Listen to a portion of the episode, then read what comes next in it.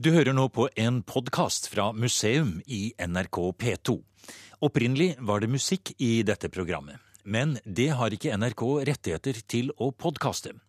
Så her kommer en redigert utgave uten musikk.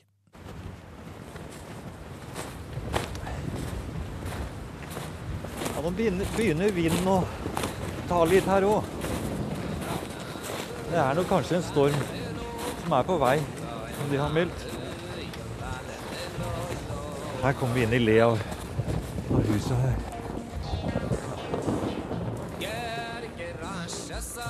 Vi er ved Reppen i Nesseby, på sørsiden av Varangerfjorden. Like inntil E6-en har vi vaset oss gjennom snøen til et lite enetasjes laftet hus med torv på taket og en fantastisk utsikt over den blygrå Varangerfjorden. Det er jo en fantastisk plass. Det er jo det utsikten og den lille bakken, og så har du hele, hele fjorden foran her.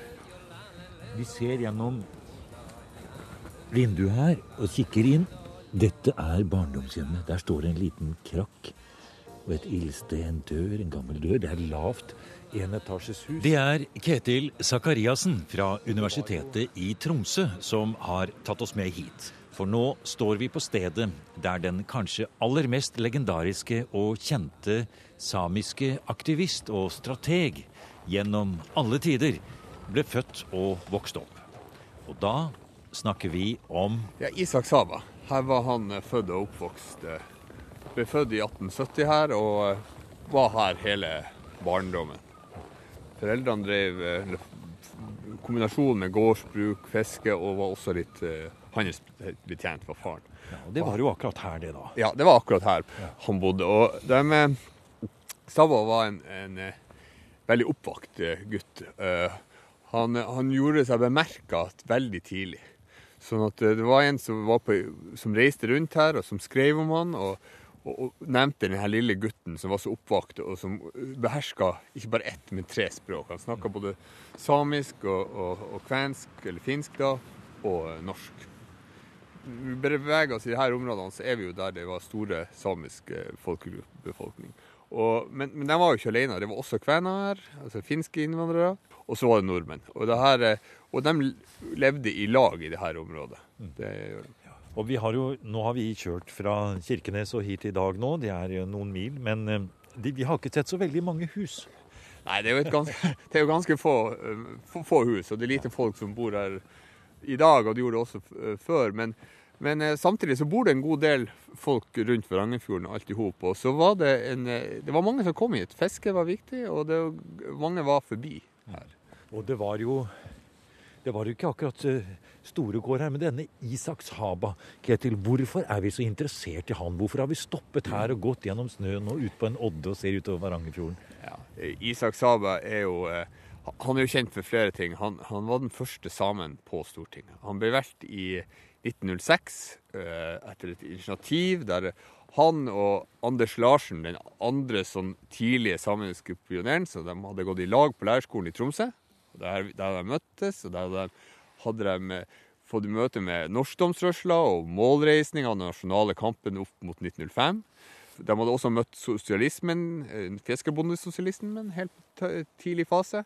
Og de hadde sett hvordan idé det er, og de fant ut det var på tide med ei samisk reisning. Historiker Ketil Sakariassen har skrevet sin doktorgradsavhandling om de samiske nasjonale strategene, som startet hele den politiske samiske kampen mot fornorskning og for det samiske språk og respekt for den samiske kulturen. Dette har blitt i boken Samepolitikk og nasjonsbygging 1900 til 1940, som nettopp har kommet ut på Chalid Lagadus, forfatternes forlag i Karasjok. Og helt i starten var det tre personer som pekte seg ut. Det var Isak Saba, Anders Larsen og Per Fugstad. Etter hvert skal vi komme mer tilbake til Per Fugstad, men aller først må vi høre litt mer om Anders Larsen. Anders Larsen eh, var lærer, han også da. Jeg Bodde i Kvalsund i Vest-Finnmark. Og han starta avisa Saga i Multilodge i 1904. Ett år etterpå, 19, begynnelsen av 1906, altså, så lanserer han ideen vi må ha en samisk stortingsrepresentant. Men tror du eh, familien til Isak Saba leste den avisen der til eh, Larsen? Eh, ja, det, familien gjorde nok det. Ja. Den hadde ganske stor utbredelse. Det har vært regna på det at de, omtrent 2000 lesere hadde den av det. Men I, det I 1904 og 1905? ja, han ga den her ut, avisa Anders Larsen ga den ut hver 14. dag sammenhengende fra 1904 til utgangen av 1911. Jeg Er håper- det den første samiske skal vi si, avisen eller tidsskriftet? Det er den første samiskspråklige avisa. i hvert fall. Det er noen forsøk før det, men det er den første som kommer ut over noen, en viss lengde. og Det er det, det, er det som er liksom pioneravisa. Og det er jo imponerende at han produserte avisa sjøl, helt alene. Åtte sider hver 14. dag. Så mange år igjennom. Det er eh, ganske imponerende. Så han oversatte masse fra norsk til samisk, og er rent samiskspråklig avis.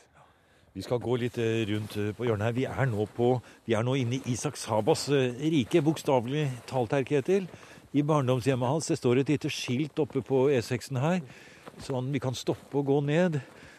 Og så er det eh, satt opp her eh, på veggen en liten, eh, en liten informasjonsplakat da, fra Varjatsami-musea, altså det samiske museet her i Varanger. og her står det både på engelsk og mange andre språk, og selvfølgelig på samisk, at dette er Isak Sabas barndomshjem. Og han ble, som du sier, den første samisk valgte på Stortinget. Men ikke egentlig på en partiliste. Nei, altså, de hadde tatt initiativ på samisk hold i denne avisa Saga Multiledger.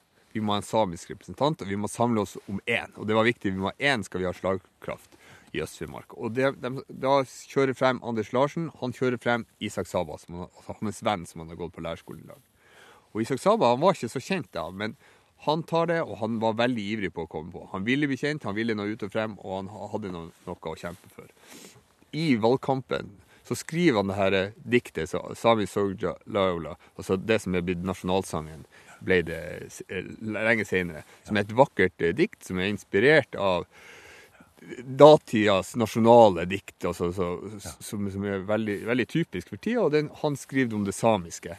Men altså, Sami Sogalaula, kan du si litt om hva det diktet forteller? For det, for det er altså et dikt som Isak Saba skriver, og som han får på trykk i sin venns eh, avis, da. Du sier det er litt sånn typisk for tiden, men eh, kan du sitere en, noen linjer fra det? Skal vi se.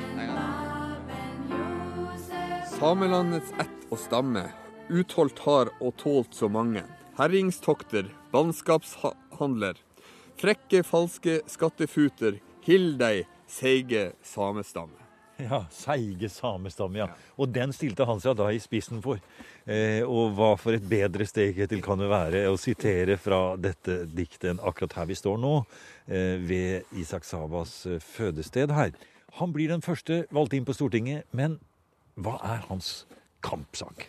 Det var først og fremst eh, retten til, til samiskopplæring i skolen, og bruk av samisk språk i skolen. Jeg var starten på den hardeste fornorskningstida, og de hadde mista retten til å få undervisning på samisk for de samiske elevene, og han ville ha, ha den tilbake, han og de samiske velgerne. Konkret så var det utarta det seg til, til en sak på Tromsø lærerskole om friplasser. Om, om at det skulle være lærested, en plass de kunne lære seg samisk lærere. Eh, For det, var, for det var sånn den ble debattert. Den ble aldri oppe i en normal sak. Det var i budsjettsakene, og da var det akkurat den saken den var knytta opp til. Men, så det var det han kjempa mest med, den konkrete saken. Men han fikk ikke gjennomslag, men han var nært på å få det i 1907. Men så ble det statsrådsskifte og mye som skjedde, og så var saken borte igjen. Og han hadde mektige fiender, det må man aldri glemme. Skoledirektøren Bernt Thomassen. Det var en mann som visste å spille på mange tråder for å få gjennom sine saker. Vi skal reise litt videre. Vi skal snakke mer om dette, Ketil. Nå skal vi til Bonakas. Hva, hva er det? Det er Bonakas. det er der Per Fogstad er født og oppvokst, og det er der han også var lærer. Og han er den, den som bringer den samepolitiske kampen videre på 1920-tallet, og blir på en måte en ideologisk forkjemper som stiller opp et helt nytt ideologisk program for samer. Da vi har kledd godt på oss her. Sammen med historiker Ketil Sakariassen fra Universitetet i Tromsø kjører vi videre på E6 med Sanctuary og Stalangassa som lydspor.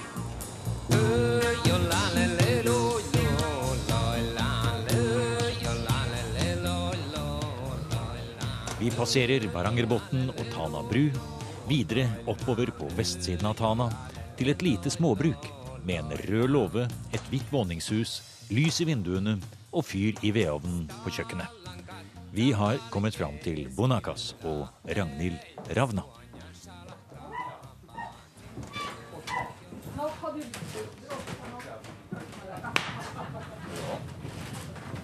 Ja, her har du fyr i ovnen Ja, du på kjøkkenet, Jeg Ragnhild. syns det er så koselig med den der ovnen. Ja. Det er, er, jeg kan ikke brake den. Den, eh, den, den er koselig å ha, ja. Og for et uh, koselig kjøkken vi er innpå her nå også. Her ligger altså hunden nede ved føttene dine nå og sover og koser seg. Og vi har spist multer og hjemmelagde boller og krem. Og multene, sa du, de hadde du plukka De er plukka bort ved Gamma. Og det er en uh, godt stykke inn i fjellet. Vi går en seks kilometers vei og har Gamme der, og der kan vi være noen dager og plukke. Men så hører vi jo på stemmen din at du er ikke født her. Nei, jeg er eh, opprinnelig fra Hurum. Ja. Og kom hit som 19-åring. ja. Og nå er vi altså i Bonakas. Hvor er det? Det er eh, i Tana kommune. I dagens eh, geografi i Tana så er det ganske langt nord Ja. i kommunen. Og Tana og Polmak ble jo slått sammen også i 60-åra. 64, tror jeg det var. Og, så det er jo en ordentlig stor kommune nå, og der ligger altså Bonakas eh, noe av det nordligste. Vi må få høre litt om din historie, Ragnhild. Hvordan du kommer hit, og hvorfor du sitter her med et samisk etternavn. Nei, det var vel litt eventyrlyst, og jeg hadde hatt noen gode eh, venninner som hadde påvirket meg sterkt i eh, skoletida. Både barneskole og gymnastida. At i Finnmark, dit burde man dra. Så jeg dro jo hit eh, straks jeg var ferdig med gymnaset, og fikk meg lærerjobb i Bonakas. Den gangen het det Tana skole. Hvilket årstall er vi da? Da er vi i 1959. Et par kilometer nede i veien bodde Ragnhilds sjef, skolestyrer Per Fogstad. Og det var jo ofte da at vi hadde følge på veien til skolen, og han Han hadde det bestandig veldig travelt, og han hadde det så travelt at han kunne ikke komme seg opp på sykkelen heller. Han hadde heller sykkelen leid ved siden av seg og gikk fort. Når du gikk der sammen på veien med Per Fogstad, og dere skulle til skolen eh, Han var sjefen din, og du var den unge lærerinnen sydfra. Så gikk jo du ved siden av og snakket med en av de store, kjente navnene innenfor samepolitikken, kan man si. Aktivismen, en av de store strategene. Visste du det da? Nei, det visste jeg ikke. Jeg visste jo da, eller jeg hadde fått hørt ganske nylig da, etter at jeg kom hit, faktisk, at, at han var same. Jeg visste ikke det på forhånd heller. Eh, han var veldig ydmyk i den rollen han egentlig hadde som den store mannen han egentlig var. Så var han veldig ydmyk og skulle få fram hva jeg tenkte, og hva jeg syntes. Han, han var veldig flink, litt filosofisk, til å stille de riktige spørsmålene for å få meg til å tenke. Og, og eh, uten, at, uten at han akkurat skulle ja, prakke på meg eh, noe noe voldsomt eh, aktivistisk syn, egentlig. Det, det var det ikke. Men eh, han, han bearbeida jo dette her Vi var jo til stadighet sammen, og vi, ikke vi jobba jo sammen på skolen. Og, og, og det kom jo til stadighet tilbake til eh, at vi skulle prøve å tenke hvor vi var, hvilke unger vi hadde med, hvilket miljø vi jobbet i. Og så kom han jo med alt, alt det gode etter hvert, da, som han syns at samiske, den samiske kulturen, den samiske levemåten, naturen, kunsten, alt dette her, var, det, var veldig viktig for den samiske sjela. Det må jo ha gjort et eh, godt inntrykk på deg, dette, Ragnhild, eh, og det sammen med mange andre ting. For du sitter jo her nå en god del år senere, og altså da med et eh, samisk etternavn. Hvordan gikk det til? Ja, det gikk jo over den første vinteren, men så traff jeg jo den store kjærligheten når våren kom, og, og lyset kom, og Ja da. Og, laksefisk, ikke minst. Så det var masse laks å få den første sommeren. Og jeg vet ikke om du har hørt om den sommeren 1960. For det er jo en sånn eh, Det var sommeren i manns minne. Det var en fantastisk sommer. Ikke bare fordi at jeg var veldig forelska, men det var altså det flotte været som begynte allerede ja, i april måned. Og hele sommeren var det bare flott. Vet du, jeg badet i Tanaelva 18. mai. Nå ligger isen som regel der. Ja. Det var eh, et, Ja. Og så etternavnet ditt, eh, Ravna. Hva betyr det? det betyr jo det samme som fornavnet mitt. da. Ragnhild er den samiske utgaven av eh, Ragnhild. Og så flyttet du inn da, giftet deg inn i en samisk familie, rett og slett. Og har gjennom både det og ditt, eh, skal vi si, nære vennskap med Per Fogstad, så har jo egentlig du fått inn den samiske identiteten på den måten. Ja, det føler jeg jo også at, eh, at jeg har jo fått At jeg på en måte nå står eh, ganske solid i to kulturer. Ja, Ketil Sakariassen, vi sitter og hører på et møte langs en skolevei. Der går Per Fokstad med sykkelen så pakket av eh, pakker og vesker og alt som er, at han kommer ikke opp på den engang. Og han går og forteller Ragnhild her om eh, kanskje det, den, de samiske idealene. Ser du for deg det bildet der? Ja, jeg gjør det. Per Fogstad, sånn som jeg kjenner han gjennom de skriftlige kildene jeg har sett, og det jeg har lest om han, så er jo nettopp det her livslange engasjementet for samisk språk og kultur, som, som starter på slutten av 1910-tallet, 1917-1918, og som varer livet ut. Og det Helt, helt frem til den tiden da Ragnhild treffer ham? her. ja, helt frem til den tida Ragnhild treffer, treffer han. Og det hun hun treffer han på slutten av 50-tallet, da, så han er akkurat ferdig med, med samekomiteen sin. Han har vært med i samekomiteen når de har lagt frem sin innstilling. Og, og han jo ti år senere, i 69-70, så er han jo med på, eh, på stifting av Norske Samers Riksforbund og utforminga av politikken der. Eh, og det- og det er jo en, en veldig lang tidsperiode, og, og en, det er jo da starten på omlegginga av av den norske samepolitikken for alvor. Altså. Ja, her har du, Ragnhild, hentet noen av de tingene som Ketil spurte om. Fortell hva dette er. Nå, nå legger vi det sånn pent mellom multene og kremen og hjemmebakte boller her på det fine kjøkkenet i Bonacas. Selve stillingen fra komiteen til å utrede samespørsmål. Og så står det øverst med håndskrift. Av hilsen Per Fogstad. Med hans egen skrift, ja. Det er den. Det er litt av et, eh, dokument, det der, stortingsmeldingen, Ketil. da, som kom eh, ut fra ja og som eh, kom fra innstillingen, ja. Og dette har du fått av Fogstad? Ja, ja. Mm. Ja da. Hva syns du, Ketil, å se jeg, denne her? Jeg syns det er veldig artig. Og, jeg synes det litt gulna. Det, det, det, eh, det er artig å se de her dokumentene, og, og artig å vite at du har fått dem hos Per Fogstad. Og så også inni denne her. Og se her, Se en her. slitt konvolutt. hans, det er hans skrift, ser jeg. Så her, her er det de, noen av disse artiklene hans vet Og du, det er fra Norsk skrevet årbok. Ja. Samiske tanker og krav. Ja. Den kjenner du godt. ja, den kjenner jeg godt, for det, det er på en måte en av de sentrale skriftene der han utvikler sin tanke Nei. godt sånn ideologisk sett. Samiske tanker og krav heter den. Ja, den heter 'Samiske tanker og krav'. Og den, for den var- kom i den norske årbok, som var et nynorsk tidsskrift som kom ut i Bergen. Hør på den flotte setningen det starter med. Nasjonalkjensla jo eit folk er teiken på at det held på å vakna. Det held på å få sjel. Ja. Det er flott. og her er det også fra norsk NRK, da. Oi. Et kåseri om Et Jon Savio, om Jon Savio ja. i 1963. Dere veit ikke hvor gode de er. I NRKs arkiv fra 1959 finner vi et program hvor Per Fogstad og den legendariske professor Guttorm Gjessing snakker om arbeidet i Samekomiteen. Gjessing var på dette tidspunkt leder for Etnografisk museum i Oslo, og hadde tidligere i mange år vært arkeolog og direktør ved Tromsø museum. I programmet taler Fogstad sterkt for at det må satses mye sterkere på samisk som undervisningsspråk i den nye ungdomsskolen, og at det må opprettes et eget samisk gymnas i Alta. Eh, Hvordan er det, professor Gjessing? Tror De at, eh, at det er riktig og, og rimelig å legge mer vekt på opplæringen i samisk eh, språk? Ja, jeg tenkte nettopp på det i tilslutning til hva Fogstad sa. At det som har ligget komiteen på hjertet, har vært ved å styrke samiskens prestisje og gi samene større selvfølelse, større, større, trygghet i sin egen kultur, som dermed vil aktivisere dem også økonomisk. Eh, vi skal vel ikke gå så langt at vi forsøker å lage et samisk kulturreservat i, i Finnmark? Hvordan er det Fogstad? Ja, nå er jo vi, vi, Til å ta standpunkt til det, det, vi ikke, det har ikke vi gjort nå.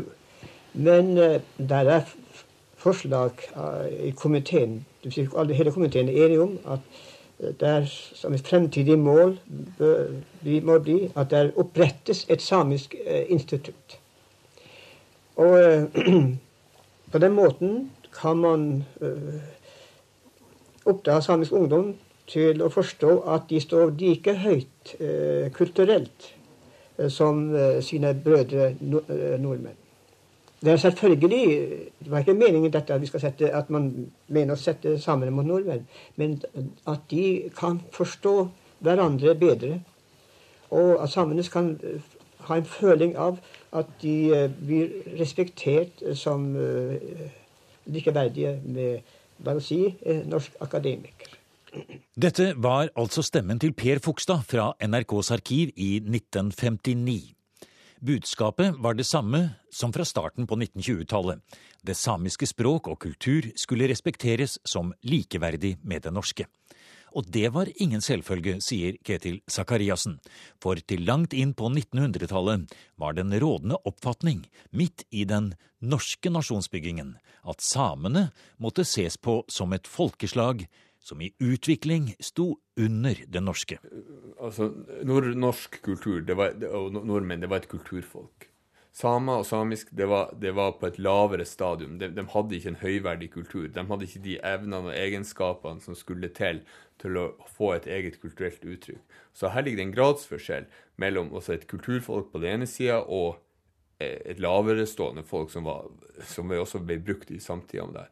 Så det var det som var inngangen til det. Og da var det virkemidlene for å få Man skulle, fjerne, man skulle fjerne det folket gjennom å, å, fornorske dem, og at de skulle assimileres inn i det norske samfunnet. Og Så var det elementer av sikkerhetspolitikk, altså trygging av grenser, de norske grenser mot Russland, mot Finland. Mm. Så de, i det som blir omtalt som de utsatte grenseområdene. Og fornorskningspolitikken virket hvis man kan bruke det ordet. I Ketil Sakariassens bok om samepolitikken fram til 1940 skildrer han hvordan mye gikk i stå etter valget i 1921. Noen har kalt det samepolitikkens fimbulvinter. Økonomisk krise, fattigdom og arbeidsledighet tok all oppmerksomhet. Og selv om Per Fogstad var en av dem som ikke ga seg, men blant annet kom med forslag til en egen samisk skolepolitikk, så begynte også han å merke motgangen, sier Ketil Sakariassen. Eh, like viktig for Per Fogstad var det nok at han så at noe av det han trodde når han skrev sine skoleplaner For han, han skrev ikke bare en plan, han hadde også et ideologisk pro prosjekt bak det. Og han legitimerte at samer var et folk som kunne et kulturfolk som kunne reise seg og utvikle en egen kultur. Han, han hadde postulert at samer aldri kunne bli nordmenn i kulturell forstand. i kulturell åndelig forstand. Og han så Så ble de det likevel? De ble det likevel, og det var utfordrende for han. Altså, hva betydde det?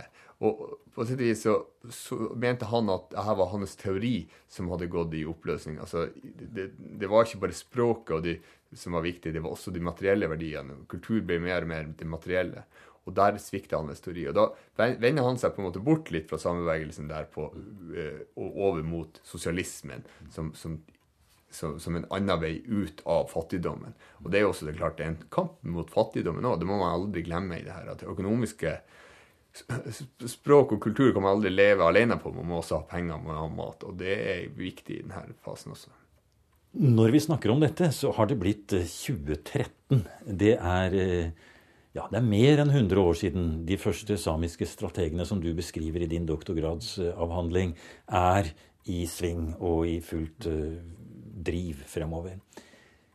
Og veldig mye har skjedd de senere 10-15-20-30-40 årene etter annen verdenskrig. Har det noe som helst betydning i dag, tror du, i den samiske identiteten og i den samiske mobiliseringen i dag? Det disse strategene sto for den gangen? Jeg er litt usikker på hvilken betydning det har ja, i dag. Det har faktisk noe med det at de, de er faktisk ikke så go godt kjent. Eh, de har dels vært, vært F.eks. Isak Saab og Anders Larsen har vært miskreditert litt tidligere. På 70-, 80-, 90-tallet var de ikke veldig populære, rett og slett fordi at de hadde vært en del av Arbeiderpartiet. og Arbeiderpartiet var på en måte det statsbærende partiet. Det var dem som drev uh, sangpolitikken fremover. Man var ikke helt fornøyd. sånn at det lå litt press på det. Per Fogstad, det han jobba med på 20-tallet, har ikke vært så kjent. Det han har gjort etter krigen, har vært mer kjent. Uh, så jeg vet ikke om hvor viktig de hadde vært. Jeg skulle ønske dem, i hvert fall de jeg skulle ønske dem ble mer kjent, for at jeg syns deres innsats er verdt det. Ikke bare i samisk politikk, men i norsk politikk òg. For det her handler om, om Norge som et flerkulturelt samfunn på et tidspunkt der veldig få så det sånn. For det, eh, Norge har aldri bestått av én kultur. Det har bestandig vært to folk med to forskjellige kulturer og to forskjellige språk. Du har nå hørt programmet Museum fra NRK P2 i en versjon uten musikk. Museum sendes hver lørdag klokken 16 og på søndag morgen klokken 8 i P2. Adressen er museum.krøllalfa.nrk.no, og museum er nå også på Facebook.